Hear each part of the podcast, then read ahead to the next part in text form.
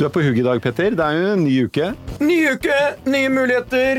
Det vaksineres i Norge. Snart kommer vel AstraZeneca på banen eh, med et svært parti vaksiner. Og ikke minst, dagen i dag er jo en fantastisk dag, Per. Dette er en god dag. Eh, en mulighet til igjen få litt anstendighet og, eh, og klokskap inn i Det hvite hus, verdens beste land som i fire år skar helt galt av sted. Ja, det, det, det, det gikk De deraila, for å si det sånn. Fullstendig derailing. Donald Trump er en president som eh, jeg vil tro de aller fleste av oss, eh, i hvert fall her i Norge og Europa, ser tilbake som en skandale. Joe Biden er ny president i USA fra og med i dag, onsdag denne uken. Og Kamala Harris, ny visepresident. Første kvinne i embetet. Ja, stort å fjerne Trump. Enda større at de får en kvinne som visepresident. Det synes jeg, Og Kamala Harris er jo fantastisk.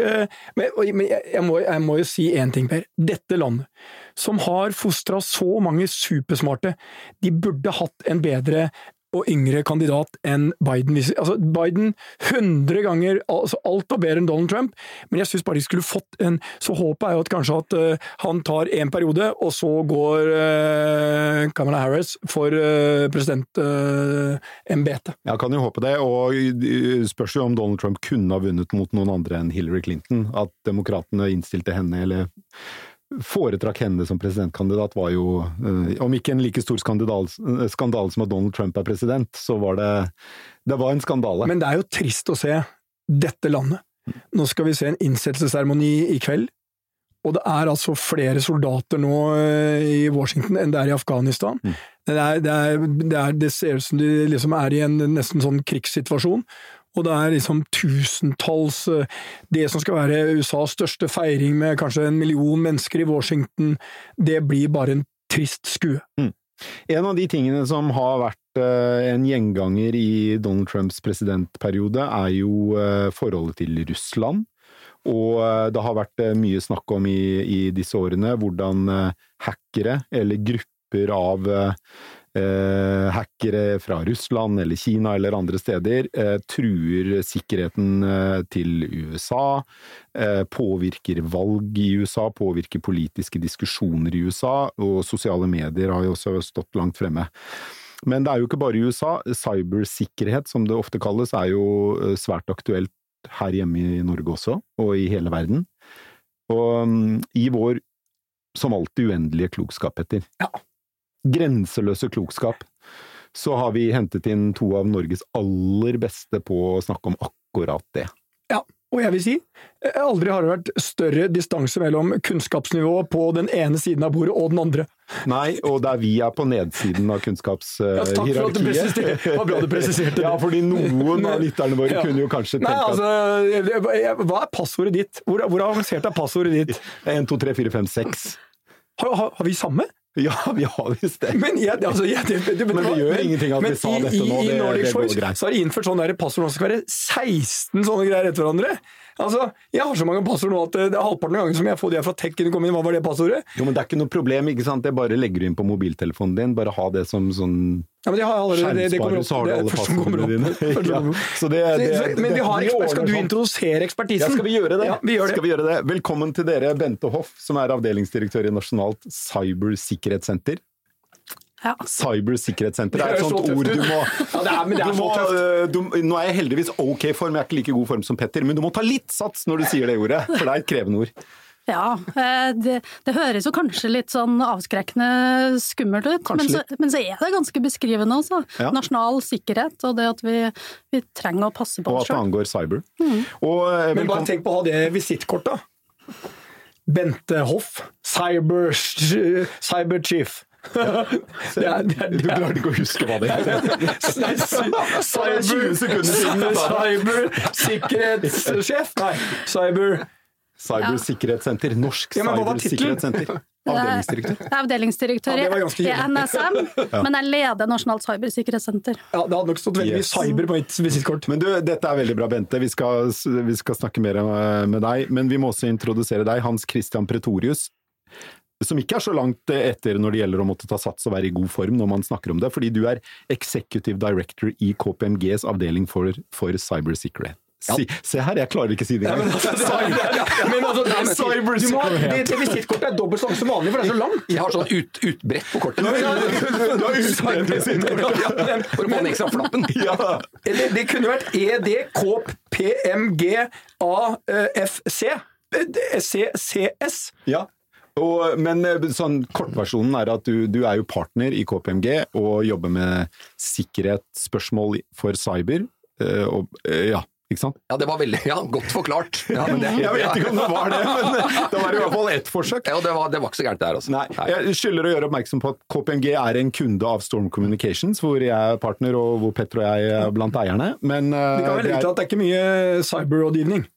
Jo, men mer på det som går på kommunikasjon rundt det. Da. Så får vi se hvor godt jeg er egnet til å gi råd, basert på dette møtet. Men velkommen til deg. Det er jo selvfølgelig ikke fordi du er kunde at du er her, men fordi du og KPMG er ledende og kommet langt på cybersikkerhet. og um, vi, jeg tenker vi kan, For å gjøre dette mer konkret, for cyber, cybersikkerhet er jo sånn, noe som er veldig sånn eller kan være enten fluffy eller noe som er veldig nedpå, at det er et virusangrep på min PC uh, som ødelegger min hverdag og, og tryggheten min. Men um, for uh, bare få dager siden så var det et angrep på Østre Toten kommune.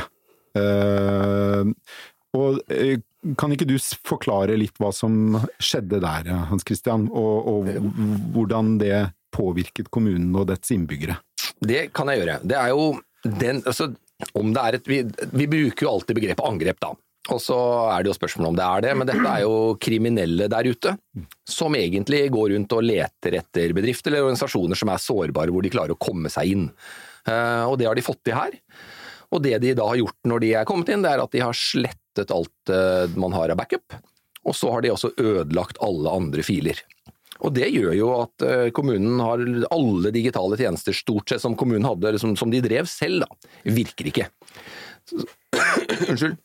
Så det er jo sånn at eh, skal eh, de utbetale nå en eller annen trygdeordning i henhold til Nav, så må altså brukerne møte opp på nytt, enten søke på nytt på papir, eller møte opp med papirer som viser at det er fatta et vedtak som gjør at de skal ha en utbetaling. Hvis ikke så får man altså ikke betalt ut penger. Så Østre Toten ble bomba tilbake til steinalderen av noen. Jeg har bare ett spørsmål før du går videre. Ja. Dette er kriminelle, sier du. Vanligvis når vi tenker på kriminelle, i hvert fall vinningskriminelle, så gjør de det for å tjene penger. Ja. Hvordan skal du tjene penger på å bombe Østre Toten tilbake til steinalderen? Det de gjør er at de ødelegger filene, og så sitter de på en nøkkel, de krypterer filene, og så sitter de på en nøkkel som kan låse dette opp igjen. Og så ønsker de at du da betaler. Løsepenger, rett og slett. Løsepenger, for ja. å- Hvor mye skal man betale? Nei, det er ulikt, da. Ikke sant? Det er, men det er alltid et eller annet relativt stort beløp det er snakk om, som de da skal få. eh, For at de da skal kunne sende deg denne nøkkelen som låser opp disse filene igjen. Kan man da, kan man da være trygg på at eh, de ikke eh, beholder en adgang? Hvordan sørger man da for at det ikke skjer igjen? Nei, det er vanskelig. Det er vanskelig å vite om det er en adgang. Det er problematisk å betale kriminelle, for da, da bygger du opp under en næring som gjør at det er flere kriminelle som driver med dette her. Uh, og du er langt fra sikkert at du helt tatt får den nøkkelen hvis du betaler. Eh, så for de absolutt fleste, og det vil jeg si er liksom det, det å gjøre, er å prøve å bygge opp dette selv igjen og løse det selv, og ikke betale den type penger. Så det er ikke sånn at man ikke har noe alternativ til å betale? Ja, så kan jeg jo legge til at løsepengevirus, som man kaller det her, det er jo noe som det er ikke nytt. Det har funtes i lenge og mange år, men det har blitt mer av det. Og ikke minst i fjor, og det kommer ikke til å bli mindre i år heller. Ehm, Og bare i fjor så kjenner vi jo til tilfeller der samme bedrift ble utsatt for dette flere ganger. Så om man betaler, så, så ligger jo litt av Altså når du står oppi det, så må du bare eh, klare å løse og bygge opp eh, på nytt igjen. Og så er det å sikre seg så det ikke skjer igjen. Øh, Hvem er de som øh, bedriver øh, den type virksomhet? Altså, Er de skal- norske, er de internasjonale? Hva er det? Altså dette er internasjonalt. Det betyr ikke at det ikke kan være norske, men det er jo først og fremst internasjonalt. Og så er dette en stor kriminell business. Jeg tror få forstår hvor stort det har blitt, og hvor profesjonelle disse aktørene er. De bygger jo opp eh, litt sånn egne konsern for å drive der. De har en egen PR-avdeling. De aller største av de. Er det sant? Egen PR-avdeling? Men da vet man vel hvem de er? Nei, dette går jo på liksom De trenger jo å hvitevaske penger, de trenger å, omsette, de trenger å skjule seg, og dette blir jo en bedrift av. Men hvilke, hvilke land Vi hører jo mye om Russland og Kina. øh, Nord-Korea har også vært nevnt i det siste som et sted hvor øh, det drives den type virksomhet. Eh, Er det det? Eller er det, er det sånn typiske land som er særlig store på denne businessen? Ja, nå, på en måte så må vi skille mellom statlige aktører og kriminelle. Eh, eh, Det vil jo være ulik motivasjon, og sånn som den norske E-tjenesten sier jo mye om dette på statlige aktører. Men samtidig så er det et landskap der det blir knytta inn i hverandre. Da. Statlige aktører kan jo betale kriminelle, blant annet. og så det kan ofte være veldig vanskelig å si hvem som egentlig står bak. Men hvilke land er det som er øh, hyppigst nevnt? Nei, I E-tjenesten og PST sin rapporter på det her, så er det jo Russland og Kina som er hyppigst nevnt. Og, Men, men utfordringen med det kriminelle er jo at du, altså et, ethvert land i verden som har en, eh, en befolkning som har et visst nivå på utdannelsen, for dette krever en viss kompetanse, eh, og står i en arbeidsledighet, så er jo veien kort. Eh, Så jeg tenkte at det der er, så De landene som har et godt utdanningssystem og bringer inn en del kompetanse og sender mange unge ut i arbeidsledighet, vil være sånn naturlig grobunn for denne type kriminalitet. Eh, og det tror jeg er, Dette tror jeg ville kunne skjedd i de fleste land hvor unge sitter i en, står i en sånn situasjon. Hva er det beste man kan gjøre for å unngå Sånn som Østre Toten. Hvordan finner Altså, av alle du skal alle angripe i Norge, steder. så tar du liksom Østre Toten. Du sitter i Hviterussland. Ei, Østre Toten, ja! Der skal jeg ta Nav-systemet! Hvordan kommer de fram til det, liksom? Det, det som er pr- Problemet er jo at eh, sånn som internett er bygd opp, da, så står jo enhver bedrift og enhver kommune, den brannmuren de har, Firewalls. firewalls, den nås jo av syv milliarder mennesker. Eh, Så dette er programmer som egentlig spinner av gårde der ute og leter etter tilfeldige hull, en svakhet, en feil ved en oppdatering. Så dette er veldig mye automatisert. Og så fant du det ene hullet eller den ene muligheten, eller at du sender ut 10 000 e-post og ser om noen biter på, som ga deg et fotfeste. Så her pøser man egentlig bare ut, og, og finner man et hull, så tar man det. Jeg, jeg vet at vi i Choice kan stemme at vi hadde syv sånne firewalls, men da får de beskjed om at noen angriper oss. Altså, det er sånn at systemet det er nesten som å gå inn med en sånn der, eh, skallsikring. Eh, Jeg kan ikke noen ting om dette, som dere åpenbart nå forstår. Men det er sånn, de, de sier ja, nå har vi blitt angrepet, og det skjer visstnok nesten hver uke. Så er det noen som prøver på systemene våre. og det er da automatisk? eh, Ja, det vet jeg. Jeg har ikke satt meg inn i det, men eh, jeg, jeg snakka litt om det i dag, og da sa jeg at det, nei, hver uke så er det noen som prøver å komme inn i systemene våre. Hvert sekund, faktisk. Ja. Vil, så blir disse brannmurene garantert skanna, for å sjekke om det er tette. Så det, all, det aller, aller meste kan jo stanses ved å gjøre de litt sånn basisriktige tingene. Ha moderne IT-systemer innebygd sikkerhet, liksom du snakker om. Eh, um, og så var vi jo litt før sending her også inne på dette med sånne enkle ting som gode passord. Og, Ja, det, passord, vet du hva det, hva, hva, hva er, hvor viktig er det å bytte passord ofte, og hva, hva er et godt passord? Ja, det er ikke viktig å bytte ofte, eh, men det er viktig å ha et passord som er bare ditt. Eh, Ha et godt passord. Eh, Og det kan f.eks. være en, eh, en setning, rett og slett. Eh, Så, og det, grunnen til at man skal det her, er jo punkt én for at disse ikke skal klare å gjette det. Ja. Og dette gjør jo automatisk maskinelt, ikke sant, at de forsøker å gjette det. Og så ikke gjenbruke det, sånn at hvis de får tak i det ett sted, så Hvis- kommer det inn andre plasser. Hvis du skulle gå bort fra 1, 2, 3, 4, 5, 6 som passord, Petter, og du skulle innført en setning, hvilken setning skulle det vært? Jeg er Nordens reiselivskonge. Jeg vil, kanskje 'jeg var', vil jeg kanskje bytte inn her akkurat nå. Jeg var. jeg bytta. Men Ja. nei, endelig mandag hadde jeg en periode. endelig Og da sa de hos meg 'Petter, eh, du, hva er passordet ditt?' Jeg, jeg var, de mente jeg var den største. Men jeg har, jeg har hatt elendig passord. Problemet mitt er følgende. Det er så mange passord du må ha.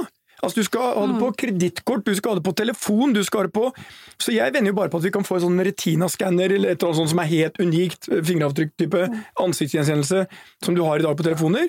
At det blir mer den type greier for meg. For de her passordene øh, Og Det det, er kommer, og det er der man vil finne løsningen etter hvert. Ja. Der eh, Apple er først ute, altså ansiktsgjenkjenning på mobilen din. Fantastisk. Ja, og det er klart, den type teknologi, det er dit vi må gå.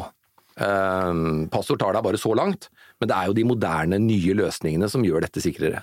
Ja, og Det betyr at vi trenger bare å være litt i forkant i forhold til da de kriminelle. Men litt tilbake til de kriminelle her. sånn. Når dere, Bente, du jobber med nasjonalt uh, cybersikkerhetssenter. Eh, Hva, eh, kan du prøve å beskrive litt, hva er det arbeidsdagen din består av? Altså, jeg er bare nysgjerrig. Hva, hva, hva gjør du? Jeg står opp om morgenen og leser tallene for hvor mange gjester vi har, og hva de har betalt og hvordan det ser ut. Hva gjør du? Ja, eh, det første jeg gjør når jeg kommer på jobb hver dag, er at vi har en, en brief eller en oppdatering fra eh, mine folk. Vi har jo folk som sitter på jobb døgnet rundt og følger med på eh, dataangrep mot Norge. For da får jeg høre hva som har skjedd siden sist, og så beslutter vi hva vi skal gjøre med det. Og så jobber vi med å prøve å se ting i sammenheng. Både sånn hva som har skjedd historisk, og er det sånn at et løsepengevirus Tre forskjellige virksomheter, har de en sammenheng? Vi jobber jo også med det man kan kalle litt sånn digital spionasje. Har det noe sammenheng med det?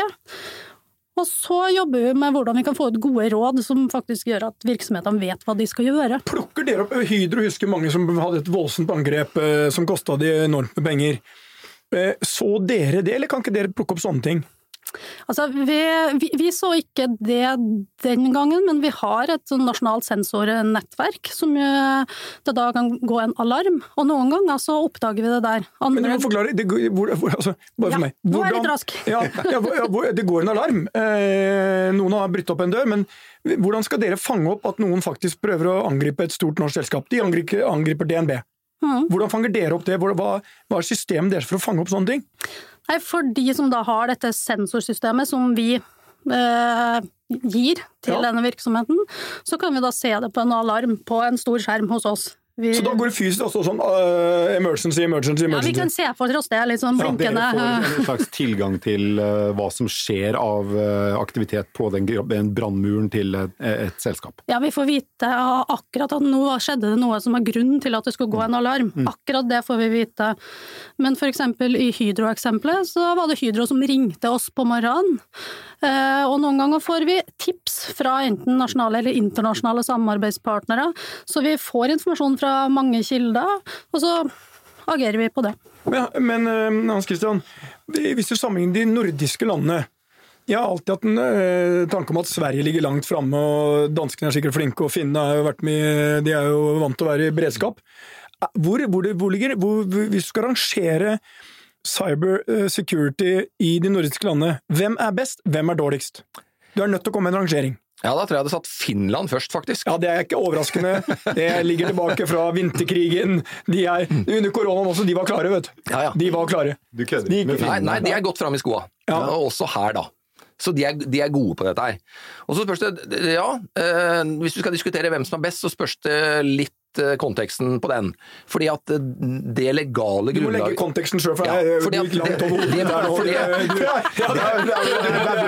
Det er annen kontekst over til meg. Jeg bare tenkte Du har ikke fått med hva jeg har sagt. Det, det kan ingen ja, Fordi at eh, Myndighetene i Sverige og Norge har lov til veldig ulike ting. Eh, svenske myndigheter har lov til å gjøre mer og se mer i infrastrukturen som finnes i Sverige, enn i Norge. Men så er det en etterretningstjenestediskusjon eh, som gjør at svenske myndigheter ser mer, men det er ikke sikkert at de nødvendigvis kan løpe og varsle en bedrift for det. Norge er unike på en annen måte. Norge har jo det sensorsystemet som Bente snakker om, som er tillitsbasert. Myndighetene tilbyr en sensor som bedrifter i Norge kan be om. Mm. Uh, og den tilliten, Dere begynte å snakke om USA her. altså Den tilliten som finnes mellom befolkning og næringsliv og myndigheter i Norge, er unik. Hadde du gått til, hadde du gått til et hvilket som helst annet EU-land, hadde du gått til Frankrike, Frankrike ja. så ville jo ikke en eneste fransk bedrift sagt at det er greit at myndighetene passer på vår brannmur. Og ser hva som skjer der. Mm. Eh, I Norge så finnes det tillitsnivået. Det gir oss noen muligheter. Så, så, det er viktig. Så Sånn sett tror jeg jeg skal plassere Norge foran Sverige igjen. Selv om svenskene får lov til å gjøre mer og myndighetene får lov til å gjøre mer, så tror jeg den tillitsmodellen vi har i Norge faktisk tar oss opp på den andreplassen. Mm. Er, er det mange norske virksomheter som uh, har sagt ja til en sånn sensor? Ja, det er det. Hvor mange er det? Nei, nå spør du spørsmål som jeg ikke kan fortelle, da. Vi har jo en del hemmeligheter inni det her også. Ja, Ja, men vi har hemmeligheter, Per. Ja, vi har det. Ja, det er, eh, så det er, det er ikke bare du som har hemmeligheter.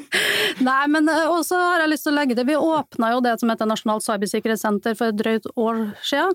Og en av de tingene vi gjorde da, var at vi inviterte inn eh, norske virksomheter, både offentlige, men også private, til å sitte sammen med oss i våre lokaler. Så det har vært veldig stor interesse for, for å dele informasjon.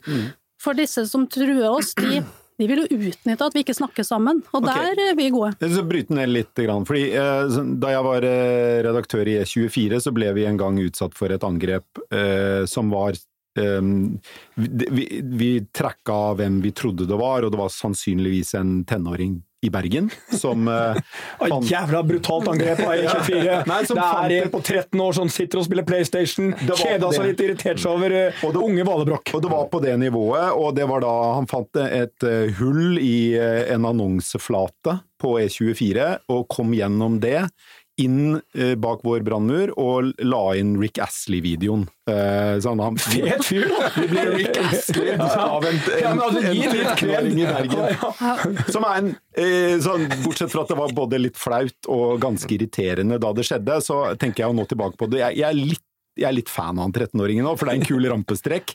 Hvis jeg var eh, 13 år og god på IT, så hadde jeg vært litt stolt av meg selv hvis jeg hadde klart det. Men det er en rampestrek og forholdsvis uskyldig. Vi var nede i en halvtime, og det er fine, liksom.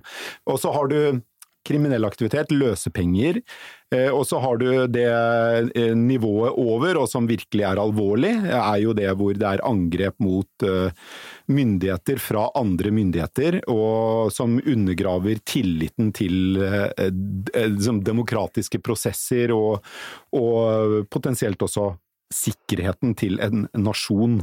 Hans Christian, hvordan er det noe som vi skal være bekymret for, men som i dag ikke er veldig et, et betydelig problem, eller er det i dag et betydelig problem som vi undervurderer? Jeg, jeg tror vi skal være bekymret for nesten noe du ikke nevnte, altså. Ja. Og det er internetts egentlig algoritmer og sosiale medier når vi er oppe på valgproblematikk f.eks. Mm. Og påvirkning av demokrati. Som er viktig for oss. Um, fordi at vi har en del Det er Facebook og en del andre aktører som lever av klikk. De lever av å gi deg et innhold som du er interessert i. Det gir deg noen sånne fantastiske rabbit holes som man kan falle ned i. Og hvis du hadde reist til USA og sett på feeden til en demokrat og en republikaner i Facebook, hvilke ulike nyhetsfeeder de får, og hvilke to helt ulike bilder av verden som egentlig tegnes for de to, eh, de mekanismene der og er nok, vil jeg si, er vanskelig å debattere. Det er vanskelig å håndtere de, men det er kanskje den største utfordringen vi står overfor. Det andre kan løse teknologisk. Og Det er jo samme som Twitter og Trump og det. Um, alle er enige om, vil jeg tro, at uh, det at han ble utestengt uh, fra Twitter, ja det var nå på tide og sånn, men det er, det er noe med at er, Twitter er en kommersiell aktør som kan basert på sine egne policyer, for det var ikke hjemlet i noe lov at de kunne utestenge den amerikanske presidenten. Det valgte en kommersiell aktør å gjøre. Og så vil de fleste si at det sikkert var riktig, men det er noe med, det er noe med den problematikken allikevel. At de store kommersielle aktørene kan skru av og på en kommunikasjonskanal til en president. Eh, uavhengig av hvor gæren den kommunikasjonen var. Det, det, det en, ja. Så, så det er noe der nemlig som er, som er blitt sentralt. Ja, og så tenker Jeg jeg er jo enig med Hans Christian her at det her er noe vi virkelig må ta på alvor. Og det er klart at det året vi har vært igjennom nå, der vi har flytta så mye kommunikasjon og informasjon, enda mer enn før, til øh, internett. Det er jo det vi virkelig forholder oss til. Så gjelder det jo her egentlig hele vår hverdag og hvor vi får kommunikasjon fra.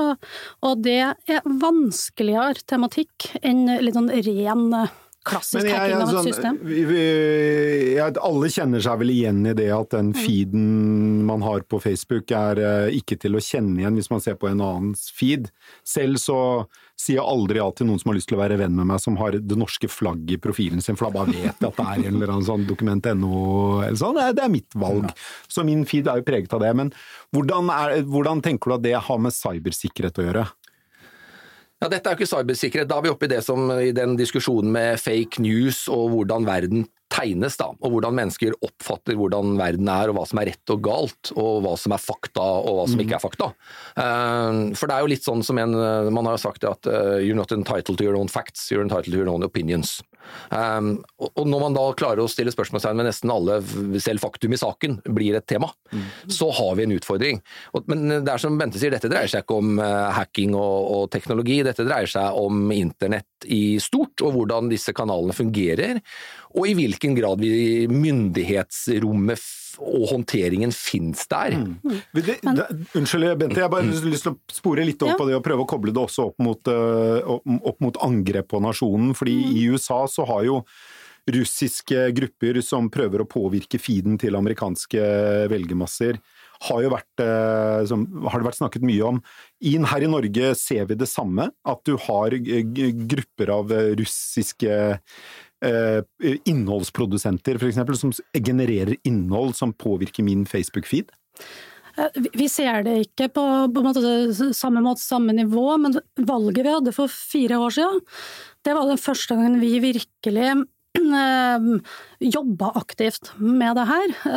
Både, Du har selve valgsystemet, men du har også sånn falske profiler der vi da har en avtale med de store gigantene der, sånn at vi kan hjelpe til hvis det er en minister som får en falsk profil, f.eks. Eh, vi jobber med også andre offentlige etater rundt dette med hvordan håndtere fake news og der. Så vi, vi har ikke på settet så sterkt, eh, men vi har absolutt oppmerksomhet på det, og det men, kommer vi til å ha noe som. Men det der greiene, jeg har jo opplevd mye av det sjøl, liksom, når det kommer ut sånne annonser hvor jeg reklamerer ja. sammen med Skavlan for bitcoin. Du har veldig mye ja, får stadig og jeg, også, jeg tror jeg får uh, mailer hver dag som sier at er du klar over dette? Problemet er jeg kan ikke gjøre jeg får ikke gjort noe med det. Altså det, det er sånn, Hvorfor kan man ikke gjøre noe med det? Altså det, det, er, det, er, umulig å gjøre noe med det. Vi får fjerna den ene, og så popper opp tre nye. Mm. Mm. Og, og, det er en annonse som vanlig. Det plutselig popper opp liksom eh, i hvilket som helst. Dagblad popper opp, liksom. Um, og det er Altså, er det umulig å begrense det? Ja, det er jo problemet at vi har jo ikke noe Da må du over på et eller annet sånn overnasjonalt regulering-regelverk. Og det mm. fins jo ikke. Vi, vi, har jo en verden i dag hvor nasjonalt regelverk er det som rår. Eh, og da kan du jo sette den serveren akkurat hvor du måtte ønske da, i verden. Eh, og gjøre hva du måtte ønske. og Da kan ikke norsk lovgivning og norske myndigheter påvirke det i det hele tatt. Ja, for jeg så sånn, Det var noen venner av meg som var i utlandet, og så skulle de se på en norsk øh, TV-kanal som ikke var tilgjengelig i det landet. Og da sa de vi skaffer bare en IP et eller annet sånn øh, adresse i, øh, i, Norge, så de tror computeren min faktisk er i Norge, ja. og, og, ikke i det landet. Mm.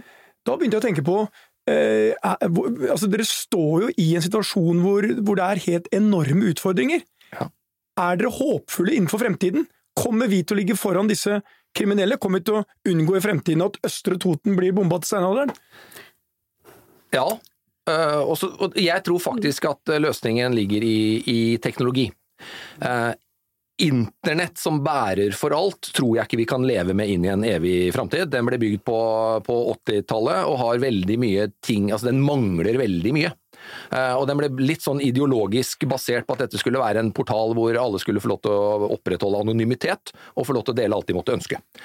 Ehm, det tror jeg ikke faktisk vil gå. Men så, men så kan man si at det, det, kommer teknologi sånn som 5G. Mm. Kommer med masse funksjonalitet som kanskje mangler internett i dag. Så det finnes en teknologiframdrift her som jeg tror er løsningen. Mm. Jeg, jeg, hadde jo ikke jobba med det jeg jobber med hvis jeg ikke har troa på at her kan vi gjøre en stor forskjell og dette kan vi få til å bli bra. Så jeg har absolutt troa, og Hans Christian er inne på mange av de viktige faktorene her. Samtidig så ser jeg jo at norske bedrifter og virksomheter, de eh, ja, jeg tror de fleste begynner å forstå trusselen, men de har ikke helt forstått ennå hva de skal gjøre med den. Så jeg tror det blir litt verre før det blir bedre. Men, men jeg må stille spørsmål på slutten her som ikke er så, det, og det er i avdeling for ikke de mest seriøse spørsmålene, som definitivt ikke er laget av en uh, kommunikasjonsavdeling uh, i uh, Storm Communication. Er det tilfelle at hvis dere har noen sånne superhackere som er virkelig Som har gjort noe drit gærent, egentlig burde vært fem år inn i fengsel Jeg har lest sånne stories at det var noen som kom igjennom til NASAs indre gemakker og sånt noe. At de da senere istedenfor å gå i fengsel, ble ansatt der. Er det bare eh, historier, eller er det tilfelle at det skjer? Bente, kunne du eksempel, hvis du hadde en eh, Han 13-åringen han, 13 han har han har utvikla eh, greiene sine, og du ser her er et lite geni. Kunne du ansatt den? Altså, det er ingen tvil om at vi er på jakt etter de med sånne ferdigheter, og så må vi jo gå litt og se etter både motivasjonen deres også, men f.eks. det å rekruttere fra denne type, kall gjerne gutteromshackere eller gamingområdet, absolutt veldig interessant. Du, jeg, jeg, blir jo, jeg, må si, jeg blir jo ikke sånn veldig beroliget med tanke på fremtiden til cybersikkerhet, når selv Stortinget, Norges viktigste institusjon, og som skal lage lovene som sørger for at vi har cybersikkerhet eh, som er god nok til å ivareta den, eh, blir hacket. Eh, er det, er det bare sånn at vi, vi har ikke kommet vi, vi har ikke blitt modne nok på problemstillingen ennå? Eller Det enkle svaret er nok ja på ja. det. Ok. Vi må runde av, eh, Petter. Eh, skal du bytte passord, eller, eller skal vi holde på 1, 2, 3, 4, 5, 6? Nei, eh, nå kommer jeg til å få et passord som, eh, som er på minst 25 sånne greier etter hverandre. Ja. Og jeg har faktisk kommet på hva jeg skal ha. Ja. Hele jordbærfilosofien. I originalutgaven, som bare faren min og jeg kan. Ja. Og han er dau. Okay. Ja, så det, det, det, var det som Hans Kristian sa, det er bare du som kunne det. Og det er bare meg som kan. Okay, så bra. Og hva skal ditt passord bli? Jeg tror jeg står for 1, 2, 3, 4, 5, 6. Men du kan ta det som, som, veldig få kjenner til. Det at du var sjefsredaktør i Varden i ti måneder. Ja. Før du måtte flytte tilbake til Oslo. Ja. Den, er, hele, den Varden-greien er jo fin. Ja. Uh, Utenkelig, men allikevel. Uh, du er den eneste som husker det. Og en godt bevart hemmelighet etter det er sagt her. Ja, ja, ja, Alt som sies her, blir blant oss. Uh, tusen hjertelig takk for at dere kom i studio, Bente Hoff fra nå må jeg, nå må jeg ta avdelingsdirektør Nasjonalt cybersikkerhetssenter. Og Hans Christian Pretorius, vi kaller deg partner i KPMG. Takk skal dere ha. Vi snakkes igjen neste uke, Petter. Det gjør vi. Mm.